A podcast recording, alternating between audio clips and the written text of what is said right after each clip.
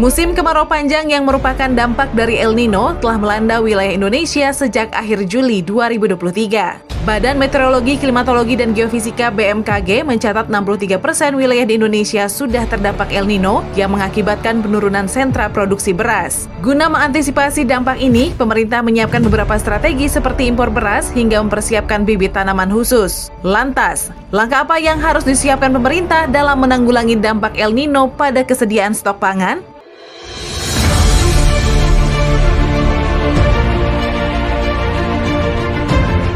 Badan Meteorologi, Klimatologi, dan Geofisika memperkirakan kapan El Nino akan terjadi di Indonesia pada tahun 2023 ini, yang merupakan fenomena terkait suhu muka laut atau SML yang terjadi di Samudra Pasifik yang berdampak pada cuaca panas di Indonesia. Kepala BMKG Dwi Korita Karnawati memprediksi fenomena El Nino akan terjadi di bulan Juni 2023 hingga awal tahun 2024. Meskipun pihaknya memprediksi El Nino di bulan Juni 2023 masih di tahap lemah, tetapi nantinya akan menguat setelah bulan Juni 2023. 2023. Ya, jadi perkembangan musim kemarau tahun 2023 pada bulan Februari tahun 2023 BMKG merilis adanya potensi El Nino di semester kedua tahun 2023 yaitu tepatnya uh, mulai Juli dan memprediksi bahwa musim kemarau 2023 akan tiba lebih awal dari biasanya hingga bulan Agustus 2023, hasil pemantauan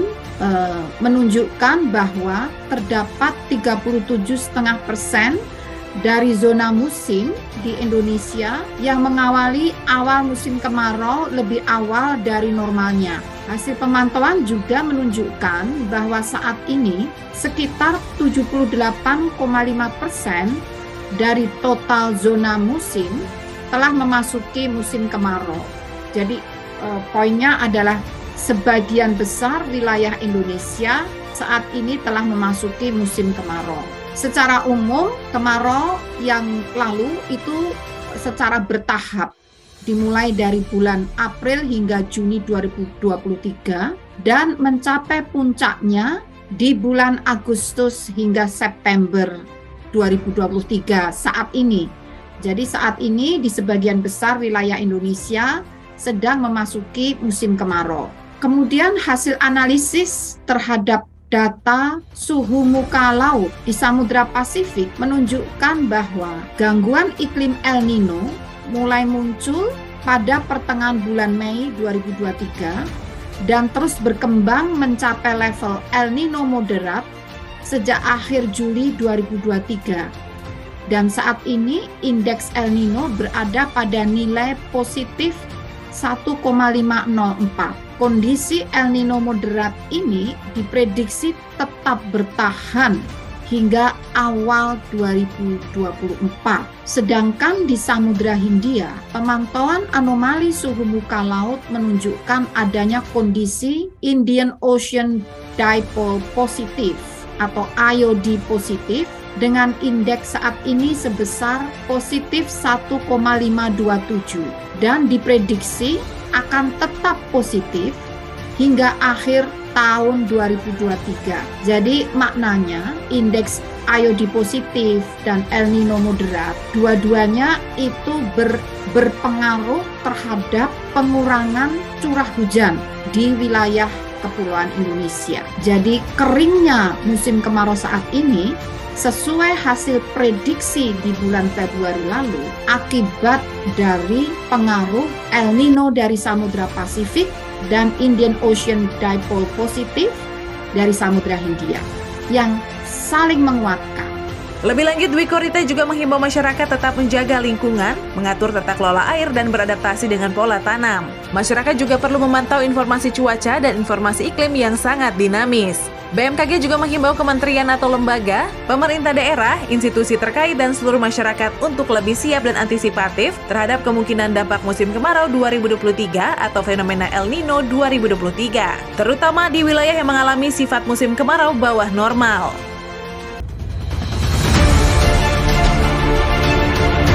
Fenomena iklim El Nino yang tengah melanda Indonesia mendatangkan ancaman kekeringan, gagal panen pertanian, serta kebakaran hutan dan lahan. Terlebih situasi ini diprediksi berlanjut hingga awal tahun 2024. Jika hal ini tidak segera diantisipasi, bukan tidak mungkin stok pangan terutama beras akan terganggu. Kepala Organisasi Riset Pertanian dan Pangan Badan Riset dan juga Inovasi Nasional Brin Puji Lestari mengatakan saat ini El Nino masih menjadi problematika. Hal ini dikarenakan frekuensi terjadinya El Nino di Indonesia yang makin rapat. Program riset yang ada di OR Pertanian Pangan, satu isu nasional tapi termasuk jadi global juga. Itu kita ke arah yang bagaimana untuk jangka pendeknya dan juga menang dan jangka panjang sudah kita arahkan ke sana nah untuk yang terkait dengan jangka pendek tentu saja kemudahan yang akan kita lakukan adalah bagaimana untuk deteksi dini terkait dengan iklim cuaca yang ada saat ini. Tentu saja bukan PD sendiri ya. Kalau kan kalau di OR pertanian tidak hanya berkaitan pangan tapi kan ada OR yang lain yang terkait dengan kebudayaan maritim kemudian juga terkait dengan yang OR lain yang memang bisa kita sinergi dan dan non print. Nah terkait dengan tersebut sistem-sistem deteksi untuk terkait dengan iklim yang El Nino ini ini kerjasama dengan ORL itu sudah kita lakukan juga. Nah, untuk RPP sendiri kita ke arah bagaimana kita mengeksplor varietas unggul yang bisa menghadapi. Contohnya adalah hmm. varietas unggul bisa beras ya, terhadap padi, katanya padi ya, karena kan konkursinya padi. Jadi kalau varietas unggul yang ada sekarang sebenarnya sudah ke arah sana, tahan kekeringan, kemudian juga bagaimana di yang sal ini pasti sudah ada cuma dengan ada ekstrim yang semakin suhu semakin tinggi kita harus nah harus tahan kekeringan ke arah sana kita kalau untuk varietas varietas unggul. Jadi kita merakit varietas-varietas unggul yang tahan kekeringan. Dan ini sudah kita lakukan dalam program yang ada di Pertanian Pangan. Itu nah itu varietas unggulnya. Kemudian juga sporting teknologinya. Seperti dalam arti ini kan ada budidayanya ya kalau hmm. kita menanam tadi. Nah, budayanya juga ke arah bagaimana manajemen ke arah bagaimana kita ke preservasi atau ke manajemen airnya. Karena pasti kekeringan ini kita akan permasalahan juga terkait dengan kekurangan air untuk cadangan air. Nah itu juga supporting teknologinya budidaya yang bisa untuk preservasi air, manajemen jadi efisiensi air. Kemudian selain itu juga bagaimana varietas yang jinjah mas. Jinjah itu kan uh, ini kan seperti katakanlah setengah tahun mulai. Nah ini bagaimana yang umur-umur misalnya yang super jinjah di bawah katakanlah 90 hari setelah tanam itu bisa kita panen atau bisa di bawah 80 hari. Hmm. Di luar yang lain misalnya ternak, ternak ya misal ternak. Ternak ini kan kalau dari yang hijauan kan akan sangat berat kalau jadi kita keringkan seperti pengawetan pakan ternak jelas atau yang lain itu ke arah ternaknya. Lebih lanjut Puji Lestari mengatakan untuk mengantisipasi musim kemarau yang panjang, pihaknya juga melakukan uji hama pada pertanian terkait hama apa yang muncul dalam cuaca ekstrim dan bibit varietas unggul yang cocok ditanam pada masa kering.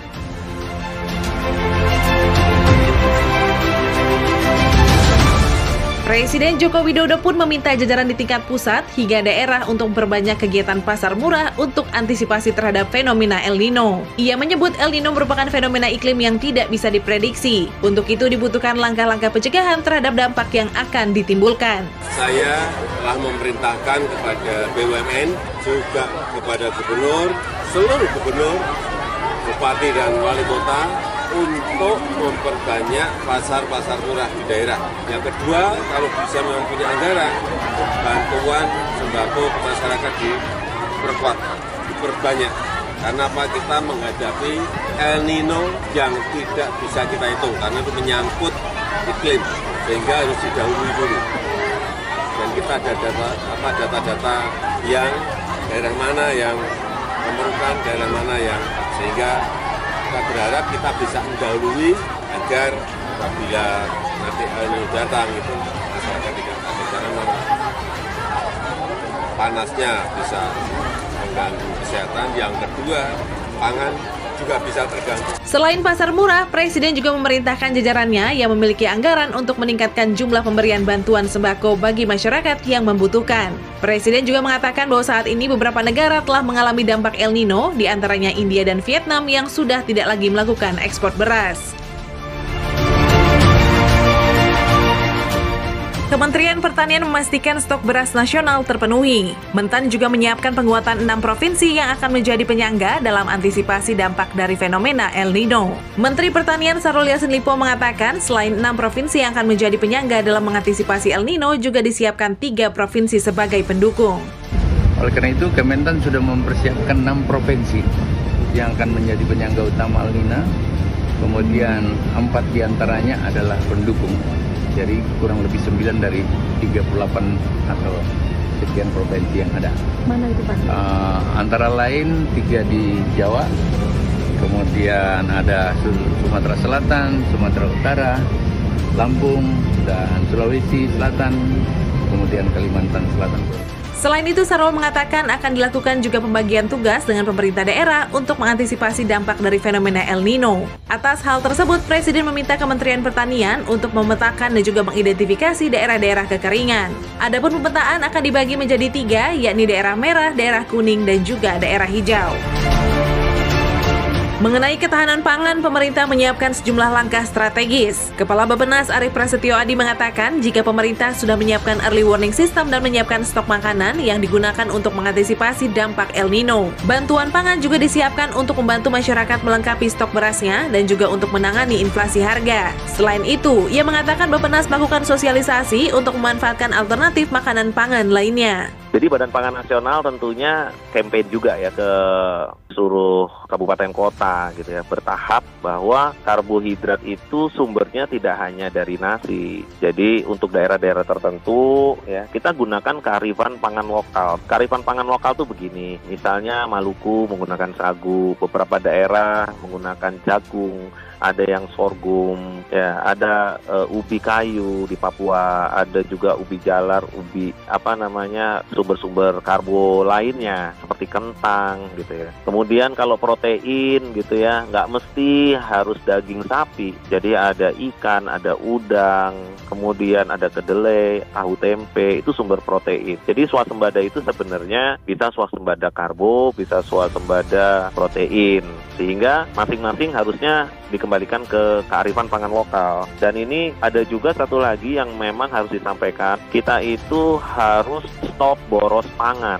Jadi seperti yang sering disampaikan bahwa food loss and waste kita itu angkanya di atas 260 triliun sampai dengan 551 triliun. Artinya apa? Kalau kita bisa hemat stop boros pangan mulai dari pasca panen sampai dengan di meja makan, itu akan sangat membantu kita semua. Di satu sisi produksi kita mau kita tingkatkan, di sisi lain sebenarnya stop boros pangan ini juga menjadi penting selain dari tadi penganekaragaman konsumsi pangan.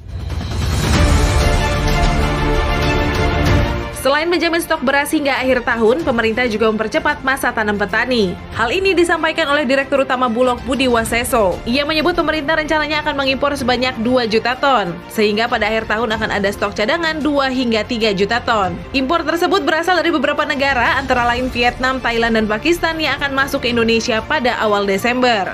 Jadi kalau kita bicara stok yang sekarang ada di Bulog itu 1,3 juta, ya kan? Kita kan masih menjerat di dalam sama nanti yang ada kita mau datangkan lagi untuk stok ya.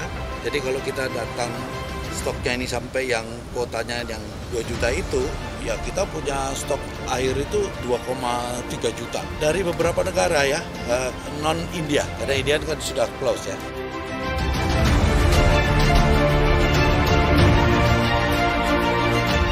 Meski kewaspadaan terhadap fenomena El Nino sudah diwacanakan pemerintah sejak bulan Agustus 2023, namun nyatanya harga beras di tanah air terus mengalami kenaikan. Terkait kenaikan harga beras ini, Presiden Jokowi melakukan pemeriksaan stok beras dan mulai melakukan penyerahan bantuan pangan. Selain itu, pemerintah juga akan melakukan impor beras untuk menjaga cadangan pangan. Mengenai hal tersebut, Ketua Umum Ikatan Pedagang Pasar Indonesia atau IKAPI Abdullah Mansuri mengatakan, harga beras yang kini beredar adalah harga beras tertinggi sepanjang sejarah dan pihaknya menyadari bahwa mengembalikan beras ke harga normal tidaklah mudah. Kami mendorong agar Presiden turun tangan. Dan Alhamdulillah dapat respon baik oleh Presiden. Presiden langsung memberikan instruksi untuk mengguyur eh, beras bulog yang ada di yang dimiliki bulog untuk bisa diguyur ke pasar. Walaupun begitu memang saya harus akui tidak semudah membalik telapak tangan untuk mengembalikan beras pada posisi yang normal ya. Tetapi apa pun upayanya harus dilakukan, tidak stuck sehingga harga terus terkerek naik. Memang faktor utamanya sebenarnya di produksi kalau kami bisa menyimpulkan ya. Produksi uh, yang digadang-gadang oleh Kementerian Pertanian cukup tinggi ternyata memang tidak seperti yang diharapkan sehingga di tingkat penggilingan itu masih mengalami persoalan yang cukup uh, berat ya. Jadi proses di proses tingkat penggilingan saja itu sudah mulai banyak uh, berebut berat gitu sehingga ada kenaikan harga di level itu karena permintaannya tinggi sedangkan produksinya tidak banyak menyebabkan harga semakin tinggi dan semakin terdorong naik. Saya belum bisa memastikan bahwa harga akan segera turun, tapi paling tidak itu dapat mendorong agar harga tidak terus naik. Karena perharinya naik terus 100 perak 200 perak itu naik terus. Nah itu yang harus kita jaga agar tidak continue naik. E, paling tidak stuck. Itu yang saat ini harus dilakukan oleh pemerintah. Ada memang di, di level pedagang itu ada diskusi yang cukup tajam beras bulog yang dikeluarkan uh, kemasan ya. Ini yang banyak permintaan ke kami untuk Bulog juga mengeluarkan yang curah gitu. Karena di level kemasan itu kadang-kadang pembeli di bawah kan juga kalau per hari ini kesimpulan kami dari seluruh pasar yang ada di seluruh Indonesia ada penurunan penurunan permintaan yang awalnya dia ngambil satu kilo sekarang cuma setengah kilo yang harusnya ambil tiga kilo sekarang cuma ambil satu kilo itu ada terjadi di level konsumen ya sehingga uh, daya beli juga menurun.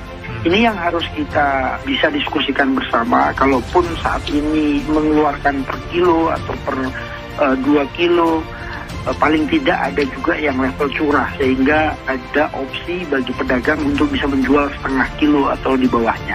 Ini yang terjadi saat ini. Lebih lanjut, Abdullah Mansuri mengatakan keresahan masyarakat akibat harga beras yang tinggi juga berimbas pada ketahanan pangan Indonesia yang masih jauh dari keinginan masyarakat. Pemetaan wilayah produksi pangan juga menjadi hal yang penting di mana produksi pangan dalam negeri juga harus diutamakan mengingat Indonesia memiliki tanah pertanian yang luas.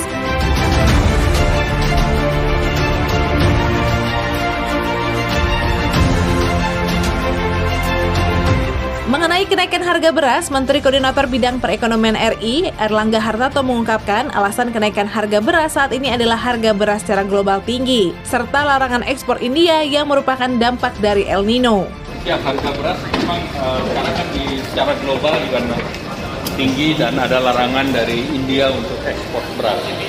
Nah, tentu ini bagian dari uh, apa namanya El Nino yang panjang dan bagi Indonesia yang paling penting adalah ketersediaan beras di dalam negeri dan juga mendorong agar uh, lahan untuk penanaman beras terus didorong dan rencana uh, panen yang biasanya bulan Oktober, November, Desember sekitar 2,1 juta ton ini harus dijaga. Masih ada upaya impor? Tidak ada upaya impor kan? Itu kan sudah ada rencana dan uh, tinggal sebagian sudah jalan dan sebagian uh, tinggal tunggu realisasi.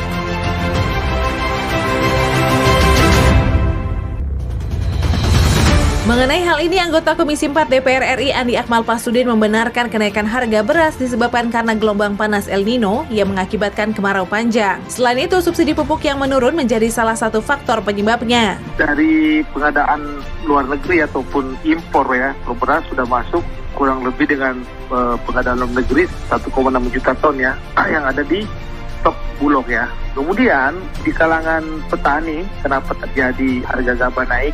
Karena tadi memang uh, ter stoknya terbatas, kemudian kedua penggiringan juga pada berebutan ya untuk menyerap. Yang ketiga, kita mesti nyalir bahkan informasi dari beberapa sumber kita ya mengatakan bahwa ada perusahaan swasta ya, uh, katakanlah PTX ini yang membor membeli gabah-gabah ini di atas harga pasar ya bahkan melampaui ya di atas HPP bahkan. Kalau HPP sekarang kan gabah kering panen itu 4.200 ya kan? Sekarang kan di pasaran uh, sudah apa dari pedagang jadi lima ribu ya. Sekarang sudah lima ribu uh, apa gabah kering panen. Dibeli sampai tujuh ribu. Ini kan sebenarnya menyebabkan persaingan untuk pembelian gabah di tingkat bawah itu sangat ketat. Ini yang menyebabkan salah satunya beras menjadi mahal gitu ya. Saya kira ini perlu jadi catatan ya. Jangan sampai negara itu kalah sama swasta. Maksudnya jangan sampai ada tanda tanda kutip yang monopoli pembelian gabah ini menyebabkan stok yang harusnya masuk ke bulog itu ataupun yang ada di penggilingan menjadi menipis. Pada ujungnya kan menyebabkan harga beras menjadi naik. Nah, yang lain saya kira karena memang tahun panenan kita ini kan lagi ada El Nino ya, ada musim kering sehingga uh, tentu ini berpengaruh terhadap produktivitas daripada hasil panen kita. Ya, saya kira ini sumber-sumber yang menyebabkan ini terjadi harga gabah ataupun beras melonjak gitu loh. Jadi sebenarnya yang harus dilakukan segera, saya kira sekarang kita lakukan adalah pertama operasi besar-besaran Bulog, operasi besar-besaran Bulog ya ke pasar itu, apalagi Bulog kan punya 1,6 juta ton ya. Ini kan harusnya segera dilakukan operasi pasar untuk memberikan ketenangan psikologis kepada pasar, terutama kepada ibu-ibu ya, kepada mama supaya tidak terjadi uh, panik buying gitu ya. Nah, ini yang pertama. Yang kedua, dilakukan adalah itu kemarin sudah diluncurkan ya bantuan beras ya, bantuan pangan ya, bansos beras untuk 21 juta uh, rumah tangga ya. 10 kilo per per bulannya. Saya kira juga akan mempengaruhi nanti akan menurunkan harga ya karena otomatis kan kalangan prasejahtera ataupun menengah ke bawah ini kan akan mendapatkan beras ya dan mengurangi uh, permintaan terhadap beras. Ini kan jadi saya kira cara kedua ini yang uh, yang apa namanya dilakukan oleh pemerintah untuk uh, mengurangi ataupun menurunkan apa beras. Apa yang harus dilakukan saya bahwa memang harus ada upaya yang uh, sistematis dari hulu ke hilir ya. Bagaimana memperkuat ketahanan pangan kita Ya kan bicara masalah stok itu kan di, di awalnya kan harus ada produksi yang berlebih. Produksi berlebih ini ya tentu swasembada ini harus didukung oleh sarana prasarana pertanian kita yang cukup. Kemudian apa namanya uh, pupuk subsidi jangan langka. Kemarin kami kritik itu kan selama lima tahun terakhir ini pupuk subsidi kita itu sudah turun. Lebih lanjut, Andi Akmal Pasudin mengatakan kenaikan harga beras menyebabkan keresahan masyarakat yang memiliki penghasilan menengah ke bawah. Upaya yang pemerintah lakukan ialah melakukan impor bulog sebesar 1,6 juta ton sehingga pasokan pangan teratasi dengan baik. Selain itu, pemerintah memfokuskan pada hilirisasi pertanian di mana negara harus berperan dalam penguatan bulog dalam menyerap produksi dan menstabilkan harga.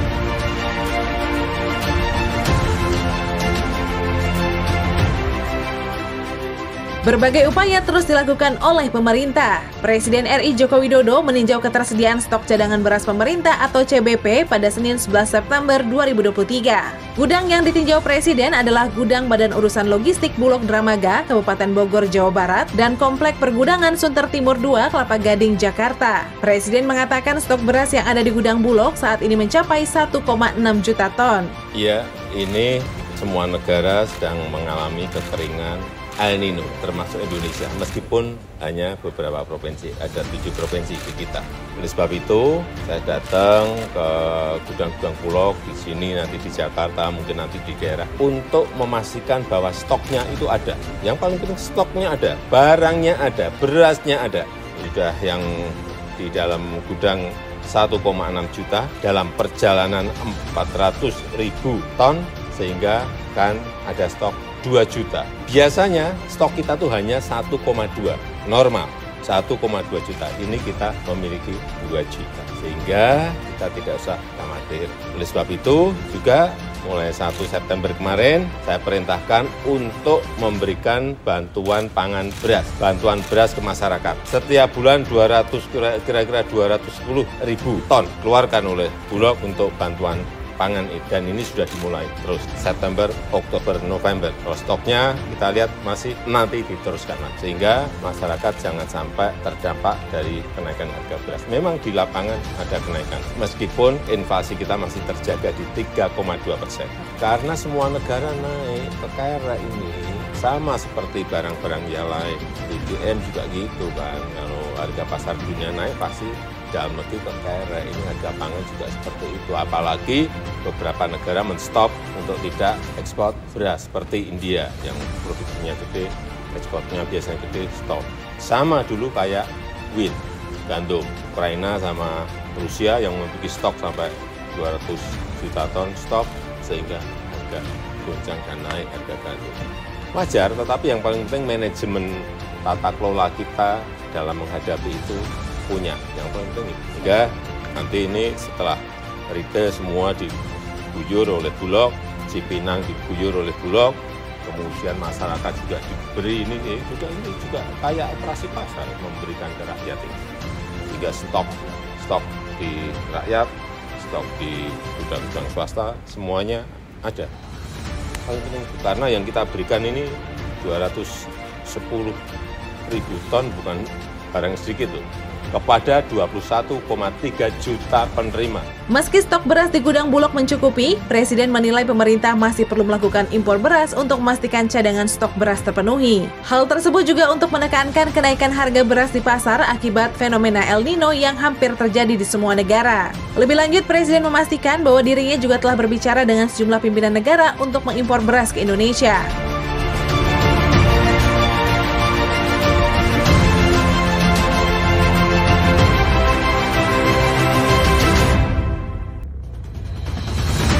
Selain memastikan stok beras, pemerintah juga meluncurkan program bantuan pangan tahap 2 untuk masyarakat yang diharapkan menstabilkan harga beras yang mengalami lonjakan. Mengenai penyaluran bantuan pangan tersebut, Kepala Badan Pangan Nasional Bapenas Ari Prasetyo Adi mengatakan bahwa pembagian bantuan pangan dilakukan secara masif kepada masyarakat dan juga pasar tradisional. Ini waktunya pemerintah melakukan intervensi karena dari sejak awal tahun kan juga Pak Presiden juga minta Badan Pangan Nasional bersama Bulog ya untuk menyiapkan stok untuk antisipasi di paruh semester terakhir, utamanya di tiga bulan terakhir ini.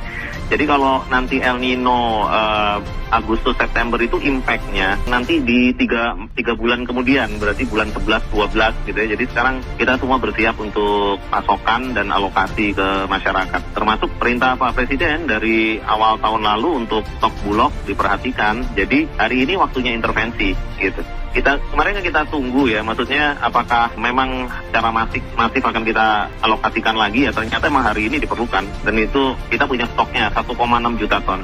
Lebih lanjut, Ari Prasetyo mengatakan untuk menanggulangi kenaikan harga, pihaknya akan mendorong operasi pasar dan juga bantuan pangan. Selain itu, produksi padi pada penggilingan padi juga perlu menjadi perhatian untuk meningkatkan produksi dalam negeri.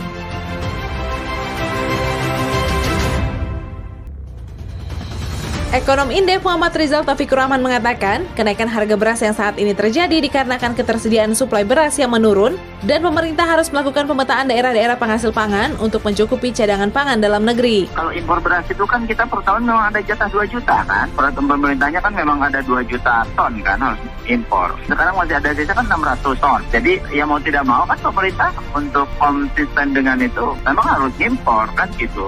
Impor itu kan rutin. Jumlahnya juga kan relatif apa sudah di, ditargetkan dan sudah dianggarkan kan. Sekarang masalahnya mau dari dari mana impornya kan gitu ya. Nah impornya kan dari Kamboja ya atau dari India. India dia close, India nggak mau apa ngekspor berasnya karena di negaranya juga kekurangan. Di Thailand juga harganya adanya mahal. Di Kamboja harganya mahal, tapi sedang dinegosiasi. Di Vietnam juga sama, mereka juga sedang apa, mengalami hal yang sama gitu, bahkan lebih cenderung protektif untuk pangan mereka sendiri. Jadi sebenarnya jangan mengandalkan kita mesti cari identifikasi potensi-potensi mana saja wilayah yang bisa pasti menghasilkan pangan. Kan masih ada daerah yang sudah ini juga kan, ada yang hujan gitu ya. Yang hujan ini apa masih bisa diusahakan nggak? Saya kira dengan inovasi dan teknologi gitu ya, untuk beberapa wilayah kan memang itu harus yang dikejut produksinya. Kalau mengikuti pengalaman, sering kali pengambilan keputusannya itu ya terlambat misalnya ya. Seperti dua tahun yang lalu kita ngimpor November padahal sedang musim panen. Nah keputusan untuk segera impor itu kan di bulan Juli misalnya gitu. Ya, sering kali kan begitu. Ada case lah begitu. Sampai akhirnya dua setengah juta. Kita cek lagi datanya. Tapi setidaknya itu yang kedua, berkaitan dengan kurasi dan informasi neraca pangan ini. Update neraca pangan antara eh, kebutuhan dengan ketersediaan itu mestinya kan update terus. Di mana kekurangannya, di mana uh, lebih yang lebih di mana sehingga stabilisasi harga menjadi penting. Yang ketiga, ini masalah apa namanya komitmen dari katakanlah pelaku uh, implementasi policy seperti kesediaan beras ya, misalnya bulog. Bulog ini betul-betul harus menjadi buffernya ya atau penyelamatnya, penyelamat kesediaan beras karena salah satu fungsi bulog itu kan pada saat terjadi harga naik, maka kan harus segera operasi pasar kan, melakukan berasnya. Itu harus cek betul stok berkaitan dengan stok. Apakah stok ini memungkinkan untuk dikeluarkan dalam kondisi seperti saat ini nih. Ini kan mulai pelan-pelan naik nih harga beras. Nah itu bulog yang ada di daerah-daerah ini seperti halnya doloknya ya di sekitar kabupaten itu harus mulai diaktifkan gitu Lebih lanjut, Muhammad Rizal Taufikur Rahman mengatakan pemerintah seharusnya menerapkan early warning system berkaitan dengan informasi manajemen stok pangan, sehingga jika ada indikasi harga pangan naik, langkah cepat dan tepat bisa segera diambil. Jika berbasis pada database yang valid dan manajemen yang maksimal, bukan tidak mungkin kenaikan harga beras bisa dihindari.